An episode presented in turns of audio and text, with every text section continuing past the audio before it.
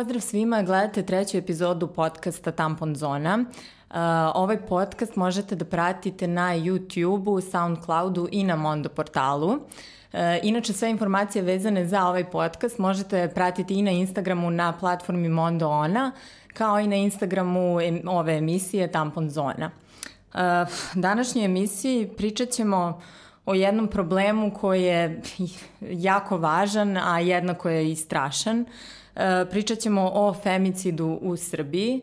Naime, svake godine se iznenadimo kada vidimo te dvocifrene brojke ubijenih žena u porodičnom nasilju i svake godine tu su neke različite kampanje i e, takođe i sistemski se nekako borimo s tim problemom, ali one se to svake godine ponavljaju.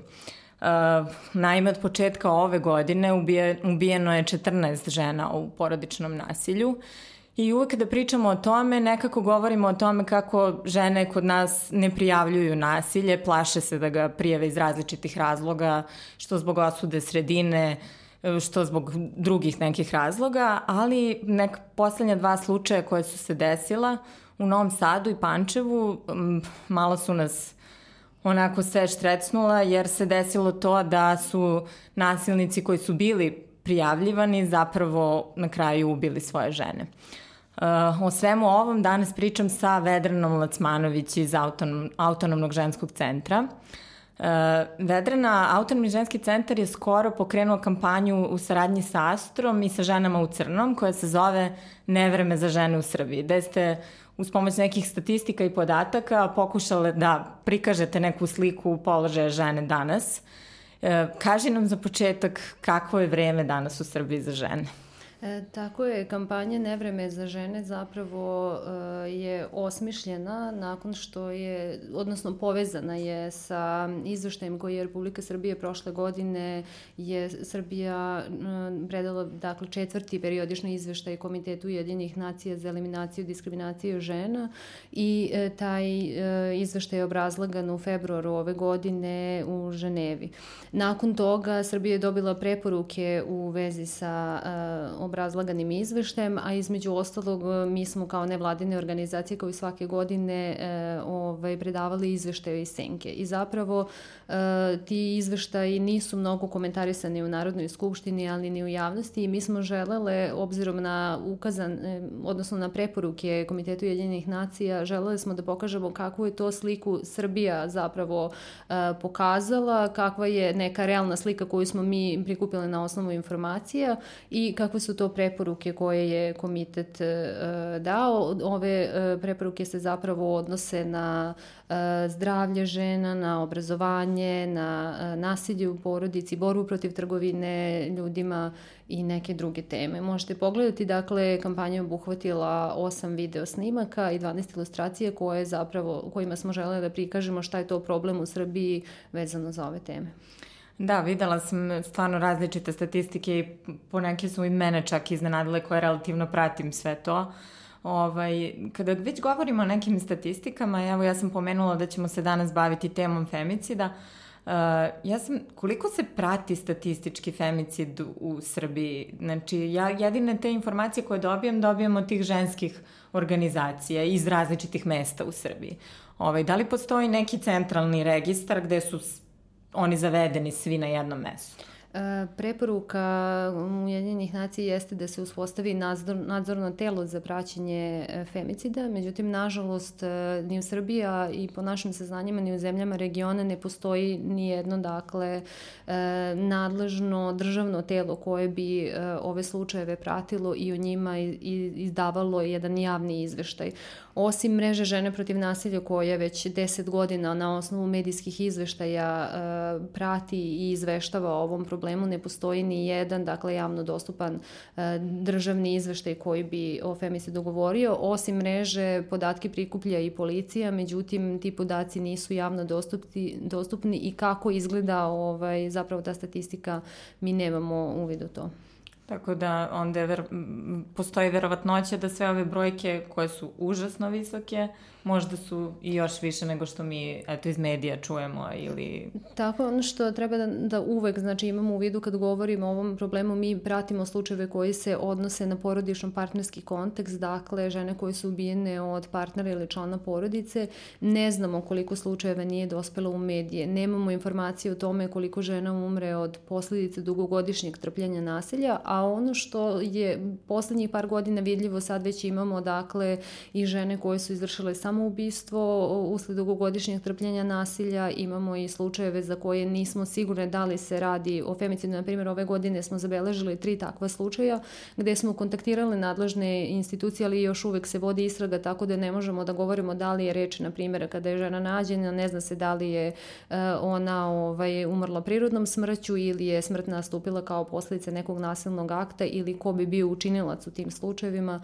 i takođe imamo zabeležene još i četiri pokušaja ubistva Tako da, ovaj, evo, baš da, jutro smo zabeležile još jedan pokušaj ubistva u Smederevu.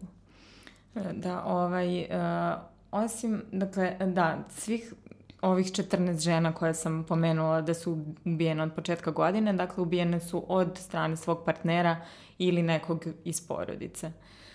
E, strašna je činjenica ta da je žena u Srbiji očigledno najmanje bezbedna u svojoj kući. E, zašto žene u Srbiji najviše stradaju od strane svojih partnera i muževa? E, pa ja mislim da je zapravo u Srbiji postoji jedna velika tolerancija, zapravo nasilje se negira, ono se na neki način i postiče, vi vidite u medijima, zapravo nema ni, ni adekvatnog e, institucionalnog odgovora na nasilje žene koje su prijavile nasilje, dakle nisu dobile adekvatnu zaštitu ili je ovaj, ta zaštita u potpunosti izostala, tako da e, sve to doprinosi jednoj atmosferi nekažnjivosti nasilja i dovodi do toga da se ono ponavlja i nažalost rezultira ovako kako rezultira.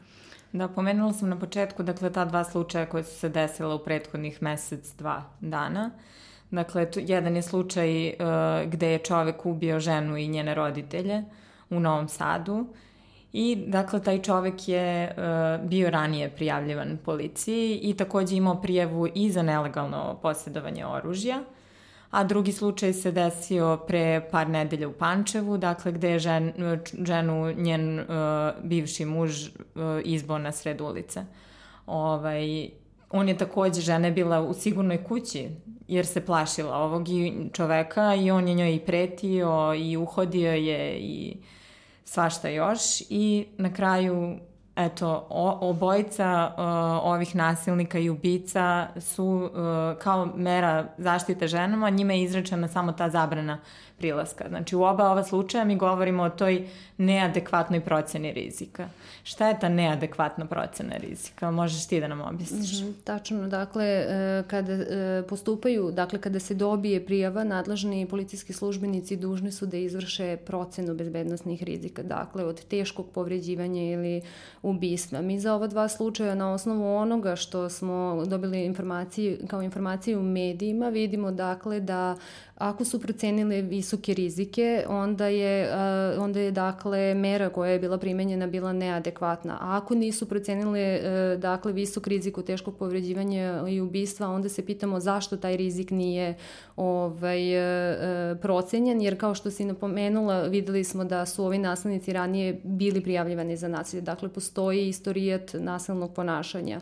Imamo, dakle, nasilnik u Novom Sadu koji je bio prijavljivan za nelegalno posjedovanje oružja. Dakle, napuštanje žrtve od strane, napuštanje nasilnika od strane žrtve, proganjanje, e, istorijat kriminalnog ponašanja, dakle, ovaj čovek koji je u Pančevu ubio ženu je imao, dakle, i dosije koji se tiče i nekakvih krađa, tuča ili tako dalje, drugih kriminalnih dela i u čitavoj zajednici je bio poznat kao opasan. Dakle, sve su to indikatori koji mogu da upućuju da se radi o visokom riziku. Zašto i kako su oni zanemareni zapravo je pitanje za nadležnost nadležne institucije. E, da, u oba ta slučaja, dakle, ta zabrana prilaska kao kazna izrečena, Uh, ne znam, ja sam se tu setila drugarice koju je, ne znam, nek, u srednjoj školi neki dačko maltretirao, maltretirao i slao je non stop poruke i on je dobio tu zabranu prilaska. I sad meni je strašno da za neko ko već ima istoriju nasilničkog ponašanja i ne znam uhođenja i ne znam posjeduje oružje, oružje dobije istu tu kaznu kao ne znam taj 16-godišnji dečak koji je tu moje drugarici dosađivao toj moje drugarici ovaj U kojim slučajevima se izdaje ta zabrana prilaska? Zabrana prilaska je zapravo jedna od dve hitne mere koju e, policijski službenici mogu da izreknu po zakonu o sprečavanju nasilja u porodici i ona se zapravo izriče u slučajevima gde postoji nizak rizik od e, smrtnog nastupa, dakle od e, teškog povređivanja ili ubistva. Tamo gde postoji dakle verovatnoće da će nasilnika da mu se izrekne ova mera prestati sa vršenjem nasilja i neće ga ponavljati, ali za nasilnike koji, e, za koje je očigledno da neće poštovati poštovati ovu meru, ne možemo im izricati dakle, preventivne mere kad već vidimo da postoji istorijat, e, istorijat nasilnog ponašanja i kada je očigledno da on tu meru neće e, poštovati. Dakle, ja bih ponovila, ako postoji istorijat vršenja nasilja, ako postoji proganjanje, ako postoje pretnje ubistvom, samoubistvom, ako postoji, e, ako nasilnik ima pristup vatrenom oružju ili ako posjeduje vatreno oružje, ako je bio učesnik ratova i tako dalje, to su sve indika, na primjer, ako zloupotrebljava psihologiju psihoaktivne substance, mentalne bolesti, to su sve indikatori koji pokazuju, odnosno uvećavaju rizik od smrtnog e, nas, nas, zapravo ishoda nasilja i e, oni bi morali dakle biti uzeti u obzir i u odnosu na njih bi bilo e, neophodno ovaj izreći odgovarajuće mere. Zapravo, mislim da ta zabrana prilaska ništa ni ne znači. Mislim, te ljude koji dobiju tu zabranu prilaska, niko ne ide za njima i drži ih za ruku da ne prilazi toj ženi, je li tako? To je samo neka mera predostrožnosti, kao Jeste. upozorenje na nivou, ne znam, uspe, usmenog upozorenja. Jeste, to je dakle mera koju policijski službenik nakon procene rizika, kada proceni zapravo on može izdeći, zapravo ta mera traje 48 sati, odnosno dva dana i u tom roku čim se mera uruči licu na koga koga se odnosi, policijski službenik je dužan da obavesti Centar socijalni rad, tuži, nadležno tužilaštvo i grupu za koordinaciju. Tužilaštvo na osnovu informacije koje je policijski službenik e, prikupio može da produži ovu meru na 30 dana ako proceni da je to potrebno. Ali dakle, ova mera ni na koji način ne ograničava nasilnika u njegovim, ne ulazi u nikakva njegova druga prava, osim dakle da ne sme da prilazi žrtvi na period, dakle, da li 48 sati ili 30 dana u zavisnosti od toga kako je mera izrečena. A koje su onda, koje bi bile neke mere koje, su, koje bi trebalo da se sprovode u ovakvim situacijama?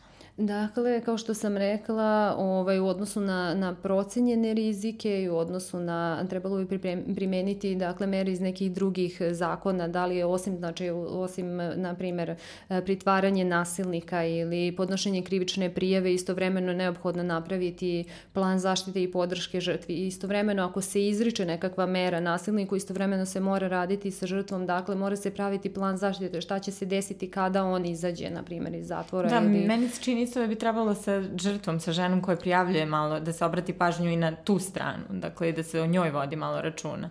E, zapravo zakon predviđa da se e, izrađuje, dakle grupe za koordinaciju se sastoji, oni su dužni da izrađuju plan zaštite i podrške žrtvi, što je nažalost, moram da kažem, prema dosadašnjem praćenju primjene zakona e, i u malom broju slučajeva se dešava dakle da se ovaj plan izrađuje. Osim toga, žrtva bi imala pravo da prisustuje grupama za koordinaciju, što je takođe statistički u malom broju slučajeva bilo primenjeno. Sad opet to zavisi naravno i od, i od interesovanja i znanja žrtve da, da postoji ta mogućnost podrške koju ima i tako dalje, ali zapravo u malom broju slučajeva se to koristi.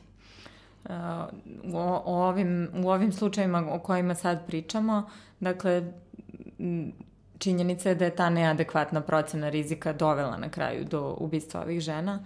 Da li ovakve pogrešne procene, da li ljudi koji su ih donali, da li odgovaraju, da li ima tu neke odgovornosti? E, nažalost, moram da kažem da smo mi još 2016. godine po apelima ženskih organizacija, zaštitnik građana je e, zapravo kontrolisao postupanje institucije u 14 slučajeva ubistava žena i utvrdio propuste u 12.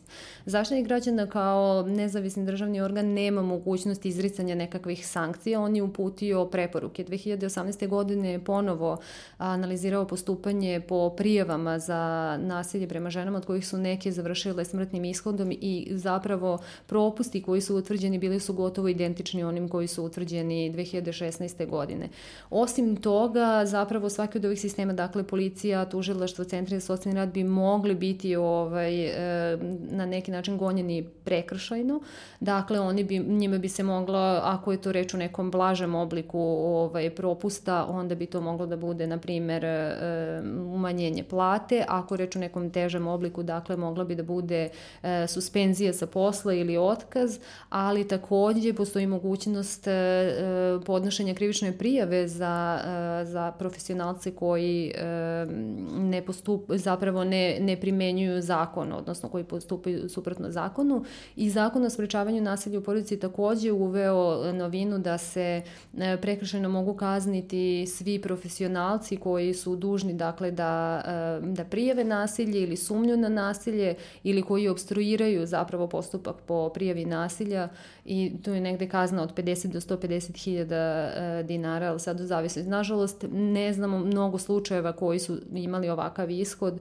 E, mislim da je u jednom slučaju možda bila izrečena suspenzija sa posla jednom, e, u, u slučaju ubistva jedne žene, mislim da je Požarevac bio u pitanju. Mm -hmm. Ali zapravo postoje nekakve mere koje bi mogle biti izrečene, ali se one pre svega nikada se ne ispituje gde i ko je počinio propuste, a kamoli da se uh, oni koji su propuste učinili kazne. Šta ti misliš, zašto dolazi do tih propusta? Mislim, ja ne znam kako ljudi mogu da donesu takve odluke kad vide, na primjer, sav taj istorijat i e, da žena je već prijavila tog čoveka i da, mislim, ne znam kako se oni osjećaju kasnije, ali uh, da li misliš, šta misliš da je tu problem? Jer misliš da je ta relativizacija nasilja i neverovanje žrtvama zapravo glavni problem ili šta? Pa mo, možemo da kažemo da delom jeste i preopterećena sistema, možemo da kažemo da oni često možemo da čujemo u sistemu kako nema dovoljnog broja radnika, nema dovoljnog broja obučenih radnika i tako dalje, nedostaju određeni kapaciteti za jel, postupanje po prijavama, ali s druge strane ja, čini mi se da je veliki deo problema leže zapravo u predrasudama i u tome da se postupa u skladu sa sobstvenim predrasudama, a ne u skladu sa zakonskim procedurama i obavezama. Dakle, da se često traži krivica u žrtvinom ponašanju i izgledu e, za nasilje, a s druge strane da se traži nekakvo opravdanje za nasilnika. Imali smo pre, dakle, samo nekoliko dana pre 18. maja koji je utvrđen kao u Srbiji kao dan e, sećanja na žene žrtve nasilja, zapravo izjavu e, sudije Višeg suda u Pančevu koja je e, zapravo izjavila da kada vidi da je razvod braka u toku, ona uvek razmišlja da li tu žrtva manipuliše zapravo da bi e, da, zapravo da li traži hitne mere kako bi e, za sebe izborila bolji e, položaj u postupku. Koliko su takve izjave opasne?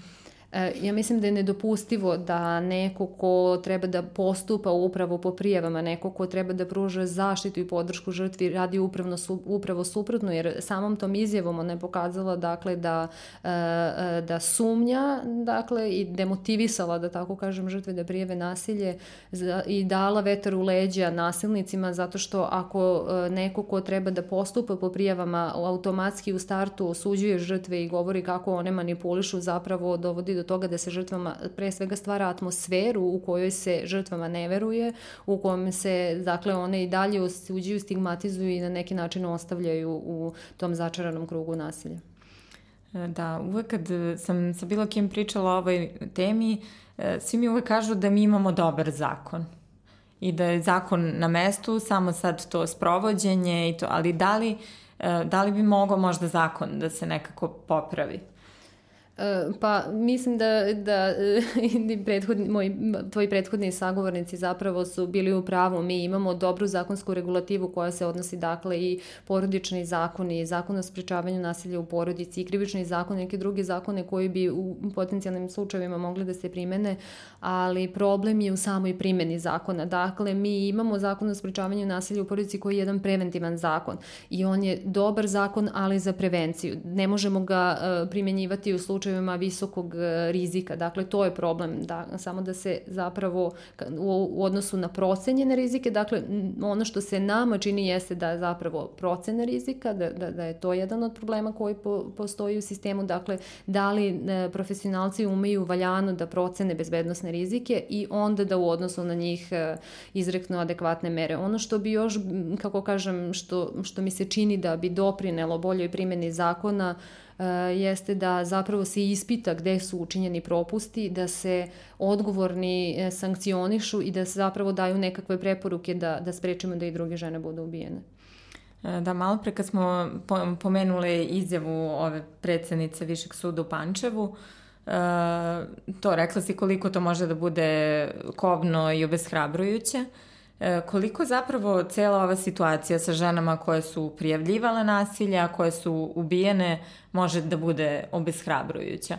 Evo, vi ste non stop u kontaktu sa ženama koje prijavljuju nasilje i koje se vama obraćaju za pomoć. Ovaj, kako, kako sad ohrabriti te žene pored svega ovoga što se desilo? Da, ja mislim da još bih naglasila mm -hmm. da je nedopustivo da to dolazi, dakle, to nije deo samo, kako kažem, opšte javnosti, to je deo stručne javnosti. Nedopustivo je da se održavaju seminari na kojima se javno govori protiv zakona koje je Srbija donela kako bi zaštitila žrtve nasilja, dakle, i da to rade potpuno nekažnjeno profesionalci i profesori uh, fakulteta, dakle vi šaljete jednu poruku koja je potpuno, da tako kažem, demotivišuća, ne samo za žrtve, nego stvarate atmosferu u društvu, u društvu gde se njima da. ne veruje i gde se stalno dovodi u pitanje istinitost njihovih e, prijava.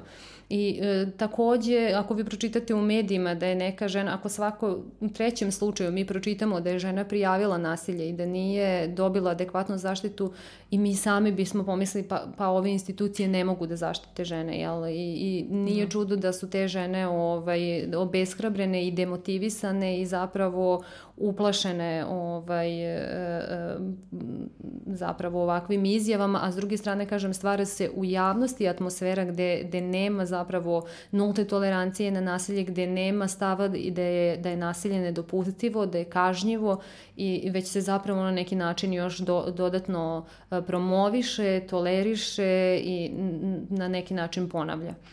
Da, uvek kad pričamo o nasilju nad ženama i o femicidu, uh, Mislim, ja to baš volim uvek da istaknem da mediji često imaju baš ogromnu lošu jednu ulogu tu i znaju da budu saučesnici u svemu tome. Uh, time što na potpuno pogrešan način se dakle izveštava o ubistvima žene. Evo, ova dva slučaja su baš primer, eto kako to ne treba da se radi. Baš sam, baš sam nekako uh, mi je privuklo pažnju kako u oba slučaja dakle se opravdavao ubica i nasilnik. Kako je, ne znam, bio miran i povučen ili, ne znam, ta ljubomora, kao da je to mm. valjan razlog za ubiti nekog. Uh, koliko ulogu imaju mediji i gde se najviše greši kad je to izveštavanje u pitanju? E, rekla bih da je uloga i odgovornost medija takođe velika, zato što medije s jedne strane ne samo da prenose dakle, i informišu uh, javnost, već oni s druge strane imaju i edukativnu ulogu. Dakle, nažalost, moram da kažem da je mnogo u medijskoj praksi mnogo češće senzacionalističko i, e, da kažem, skandalističko neko izveštavanje mm. o nasilju prema ženama, a mnogo ređe je prisutno društveno odgovorno i senzibilisano izveštavanje. Uglavnom se, dakle, u tom e, izveštavanju traži krivica za nasilje u žrtvinom ponašanju i izgledu.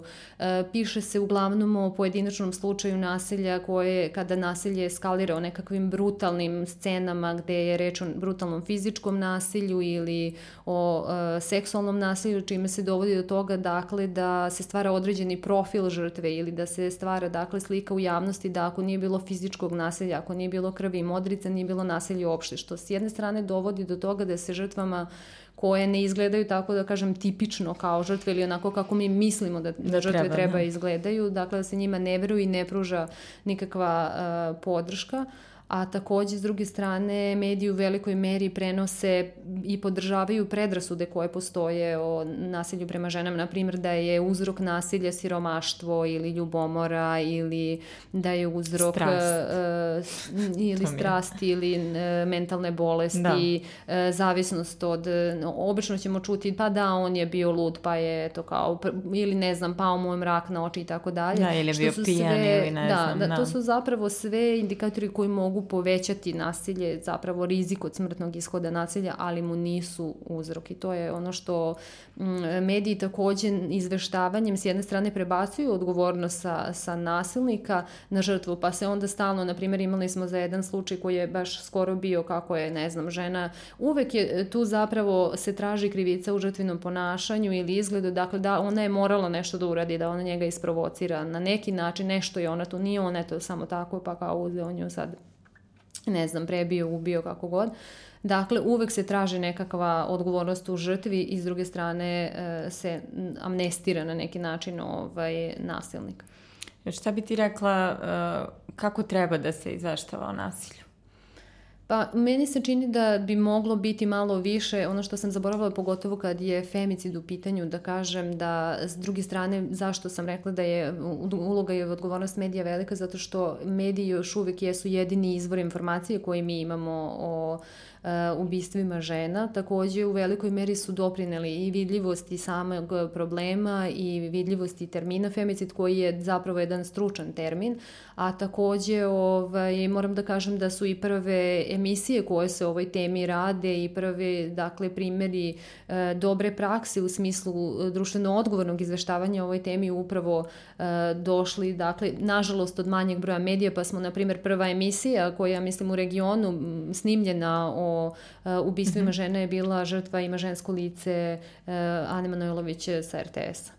E, Kordicion, kordicionalno, nikad ne znam da izgovorim tu reč, mm. ali znaš što mislim, telo za ravnopravnost je preporučilo, da li ove ili prošle godine, mm. one narukvice mm. za nasilnike. Mm Kako to uopšte funkcioniše i šta ti misliš da li je to neka ok mera koja bi trebalo i da li je to prvo nešto što sad bi trebalo da uredimo? Kako je tvoje mišljenje uopšte o tome? Uh, videla sam zapravo da su bile nekakve najave o nošenju naruknice za nasilnike, ovaj, međutim ne znam kako je zapravo to zamišljeno. Mm. Ono što je negde moja zapravo bojazan kad su u pitanju te naruknice jeste da uh, E, pre svega ko će i kako monitorisati zapravo nošenje tih naruknica, jer mi već sad vidimo, na primjer, po nanogicama i za kućni pritvor da se zapravo to ne poštuje i da su neki nasilnici i pored toga što su imali ovaj, te nanogice zapravo nisu ispoštali izrečene mere. Takođe mi na, god, na mesečnom nivou imamo u proseku između 1000 i po do 2000 izrečenih mera. U zavisnosti od broja izrečenih mera nama će trebati i taj određen broj ko će pratiti te sve nasilnike i da, izdavati te sve naroknice, zaista nisam sigurna. E, takođe ne znam koliko je ovaj ta mera e, zapravo kako kažem koliko je bi to pa, bilo adekvatno. Ako se ni same ove prijave da... ne gledaju dovoljno detaljno i ne posvećuju im se dovoljno pažnje, zamisli sad svaka, na, ne znam, i meni to isto malo Ne znam. U odnosu na ovo što za sad imamo, na primjer, Francuska je isto skoro, mm.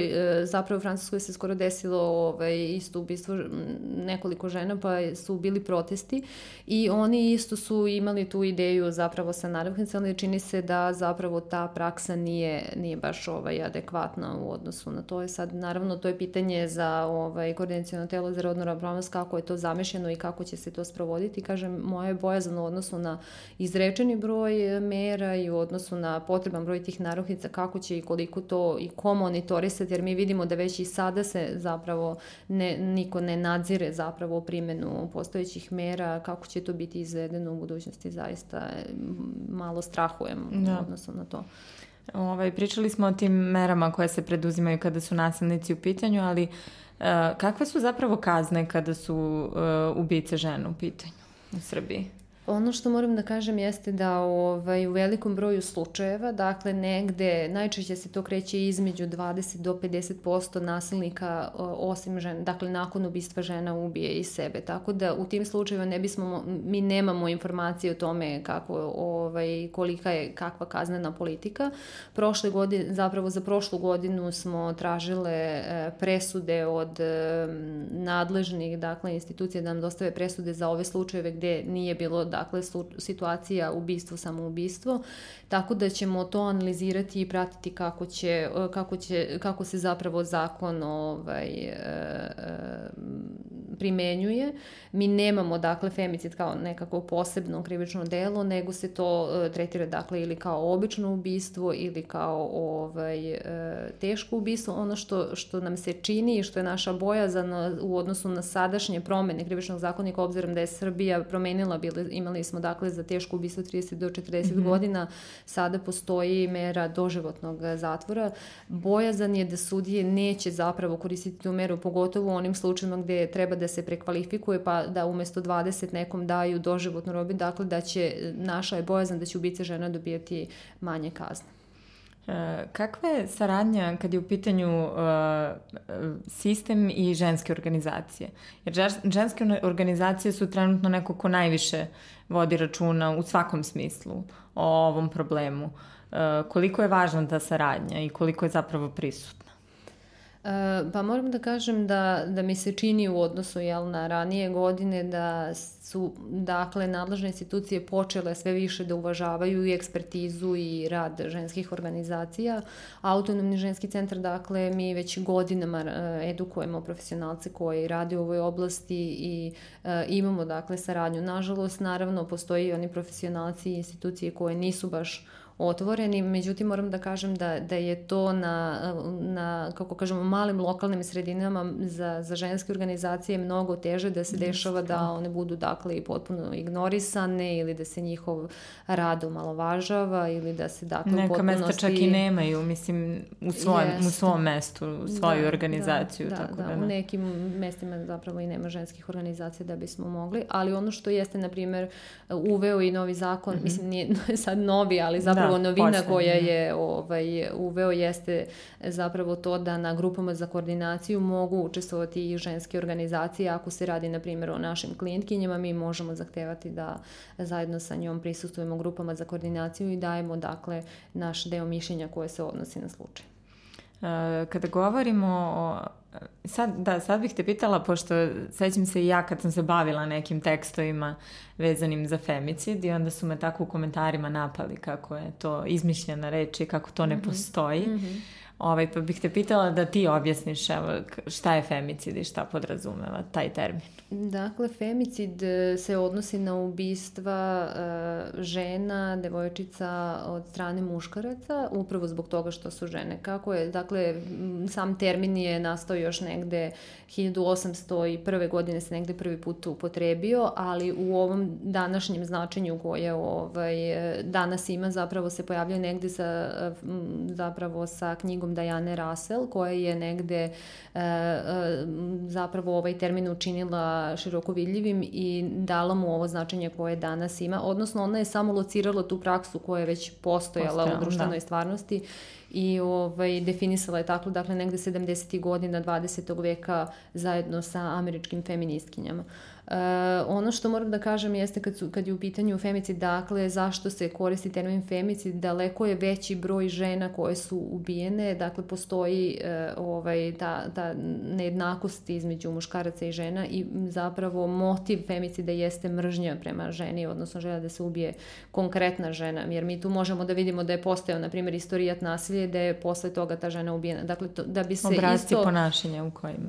Tako je, ali zapravo da bi se uh, to razli, zašto, po čemu se razlikuju drugih oblika ubistava, mm -hmm. zato što mi ne računamo dakle sve u femicid, ako je žena nastradala, na primjer vi imate uh, u saobraćajnoj nesreći neko udario ženu, njena smrt nije nastupila prirodno, ali to nije femicid, zato što nije zapravo postala relacija između učinioca i žrtve, nije postala ta namera i motiv da se ona, kako kažem, ubije, dakle da li je to posledica sada porodičnog nasilja ili nekih drugih praksi, zato što se to takođe razlikuje kulturološki, geografski, pa na primjer u, u nekim zemljama Azije imali ste veliki broj abortusa ženske dece, na primjer Kina je imala uh, taj problem zato što su oni imali onu politiku jednog deteta, mm. pa e, imajući u vidu jel, da, žena, da žena, kako kaže, može da rodi još ne znam koliko dece, oni su imali to uh, selektivni abortus. abortus da E, takođe, ne znam, ubistva iz časti feminiskinje ih tako ne nazivaju, ali zapravo to postoji u nekim zemljama, dok, na primjer, imate u Latinskoj Americi gde je u velikoj meri prisutno e, silovanje ubistva žena od strane tih kriminalnih grupa, bandi, gde se nikad zapravo ne otkrije ko su učinioci, dok je u zemljama, na primjer, kao što su Amerika ili zemlje Francuska, Britanija i tako te zapadne zemlje, zapravo najprisutniji ovaj intimni partnerski femicid. Dakle, od... Da, i ovaj, taj femicid femicid, odnosno ubistva u samoj porodici su rasprostranjena i po celom regionu. Evo sad smo sad imali ovaj slučaj Uh, i u Đakovu jedna socijalnu radnicu je ubio čovek koji je dolazio u centar za socijalno, a u Cr Crna Gora, ovaj centar za ženska prava Crne Gore je izbacio baš istraživanje da 80% žena ne prijavljuje nasilje jer nema poverenja opet u institucije. Mm. Da, e, moram da kažem da zapravo već smo o tome negde govorili i, i mi uviđamo zapravo da postoji e, preopterećenog sistema. Osim, na primjer, e, ta, ta socijalna radnica u Đakovu je nažalost ubijena ovaj, jer zapravo nisu jel, neki, kako kažem, indikatori rizika zapravo uzeti u obzir i nisu možda ni, ni ove rea, adekvatno reagovani odnosno na te rizike, ali mi smo imali 2017. godine nasilnici koji su ubili e, svoje supruge prilikom do, viđanja sa decom ispred centara za socijalni rad. Dakle, u slučaju Rakovici takođe smo imali da je bilo prećeno i radnicima centra za socijalni rad što je bilo prijavljivano policiji tako da, tako da on, oni jesu izloženi zapravo kao i same, e, kako kažem, žene sa kojima rade ili grupe sa kojima rade i radnici centara za socijalni rad su izloženi pretnjama, zastrašivanju, vređanju i tako dalje. Dakle, samo je pitanje do koje mere, dakle, negde se nasilnici plaše institucija, pa onda kada zapravo institucije zaprete ili kada policija da. da izda nekakvo upozorenje, onda oni tu stanu, ali imati nasilnike koji su kao ovaj pa ovaj, zapravo ne preza, jel, ni od koga i zapravo očigledno da je ovaj, on trebao da bude u zatvoru. Ono što bi ja još negde, čini mi se da i Srbija ima problem sa tim možda ne toliko mm -hmm. rasprostranjen kao Hrvatska, ali mi na primjer ne znamo koliko, ovaj, ima, koliko se ljudi suočava sa PTSP-em u Srbiji, mm. koliko je njih bilo učesnika ratova. Mi možemo samo da vidimo, mi smo imali tri e, ovaj, masovna, tri femicida koje su praćene masovnim ubistvom. Dakle, imali smo veliku Ivanču, imali smo žitište gde e, oružje koje je zapravo korišćeno bilo doneto sa, e, sa ratišta iz Slavonije i imali smo gore Kanježu gde je bilo nekakvo lovačko oružje, ali dakle, e, ili je, na primjer, nasilnik bio učesnik ratova. Mi ne znamo koliko zapravo nasilnika sada u porodici e, su za, imaju PTSP, suočavaju se, a zapravo ne postoji dakle nikakva statistika, ne postoji nikakva podrška za te ljude. Da, to I, je još jedna od velikih tabu tema istra, kod nas. Da, i istraživanje zapravo e, Viktimološko društvo Srbije radilo istraživanje o nasilju prema ženama mislim da je 2010. godine to bilo, ovaj, koje je pokazalo da nasilnici koji imaju iskustvo učešća u ratu su spremniji zapravo da koriste oruž, oružje prilikom vršenja nasilja i da su spremniji da vrše nasilje. Što jeste još jedan od uh, indikatora da. rizika.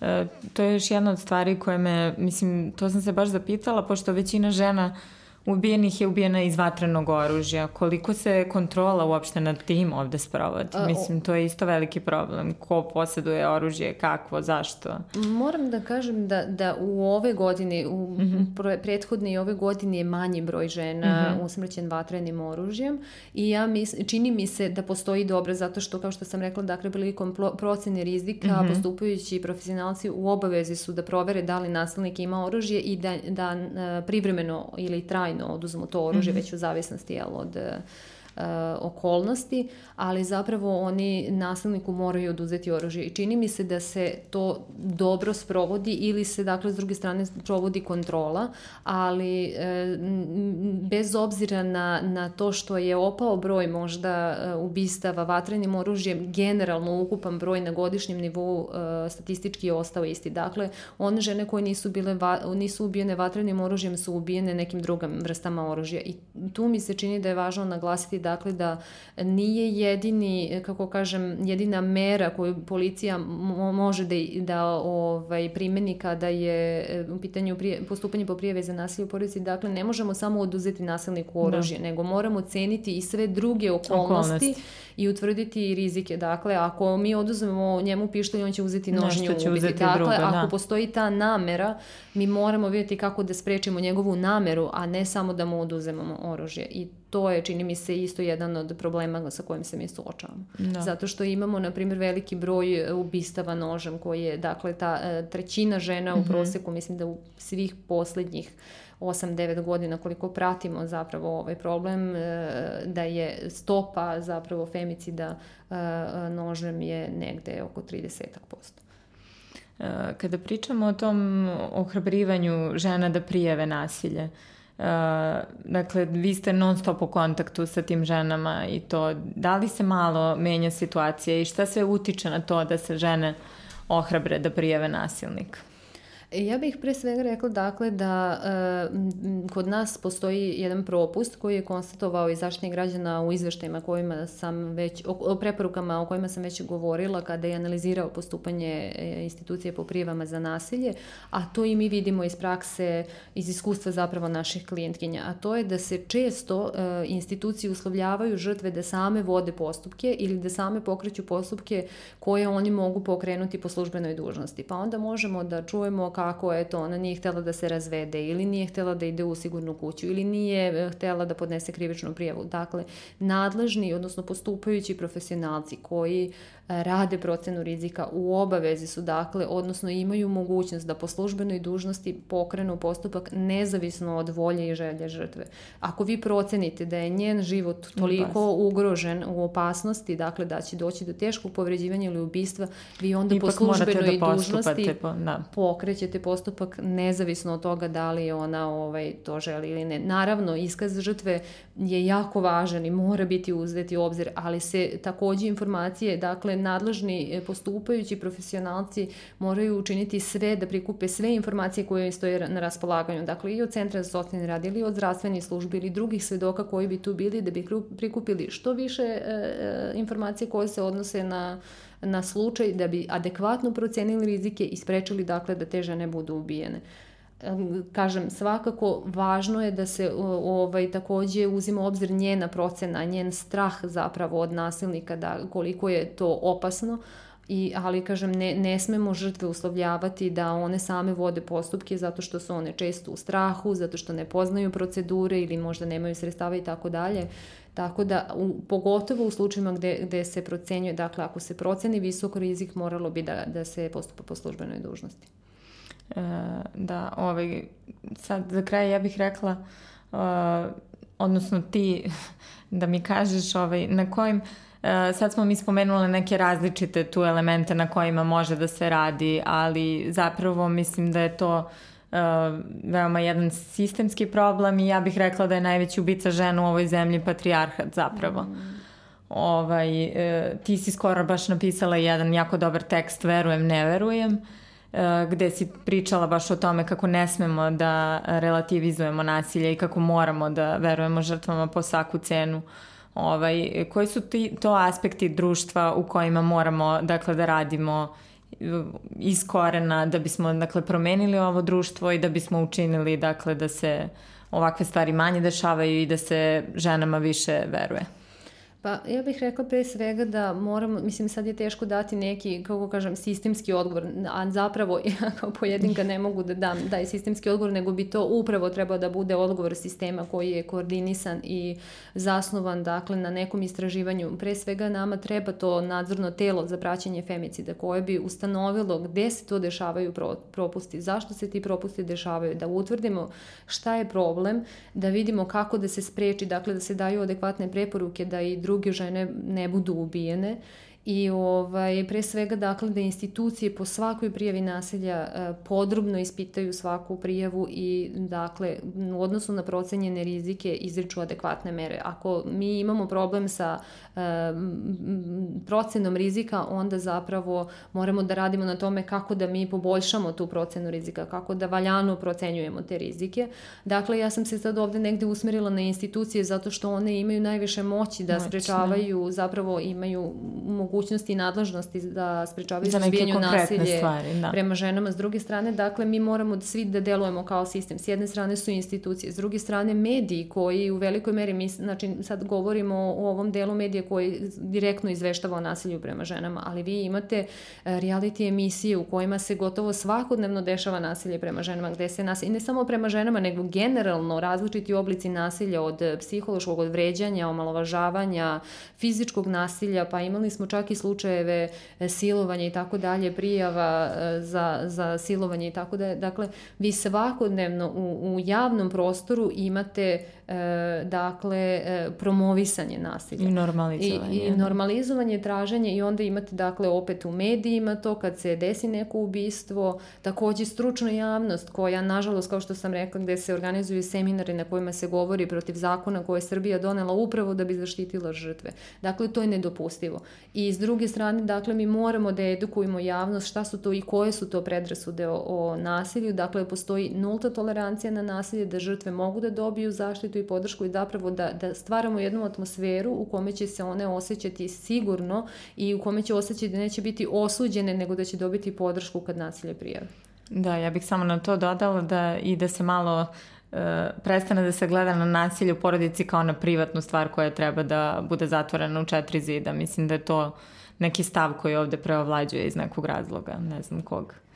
Pa mo, možemo da kažemo da jeste i između ostalog i to je deo, kako kažem, stereotipizacije fenomena nasilja prema ženama, ali takođe ja verujem da je to, mi imamo po, zakon, po porodičnom zakonu zapravo obavezu prijave sumnje na nasilje ili nasilje u porodici, bez obzira da li smo profesionalci, građani ili kogod zapravo vidi nasilje ili sumnje na nasilje u obaveze da to primjeni, e, prijavi nadležnim institucijama, ali nažalost to se ne dešava često. I ja verujem da, da i ti kom komšiji ili prijatelji često ne prijavljuju nasilje upravo iz straha iz od nasilnika, straha, na primjer, da. pogotovo ako ste vi u malim sredinama, pa onda se plašite osvete. Tako da postoje različiti indikatori zašto, kažem, ako institucije ne smeju, na primjer, mi smo imali tu situaciju gde su predstavnici sistema, dakle, ako je nasilnik prijetio socijalnim radnicima i oni nisu na adekvatan način zaštićeni, kako će onda običan građanin na, zapravo na to gledati i prijavljivati.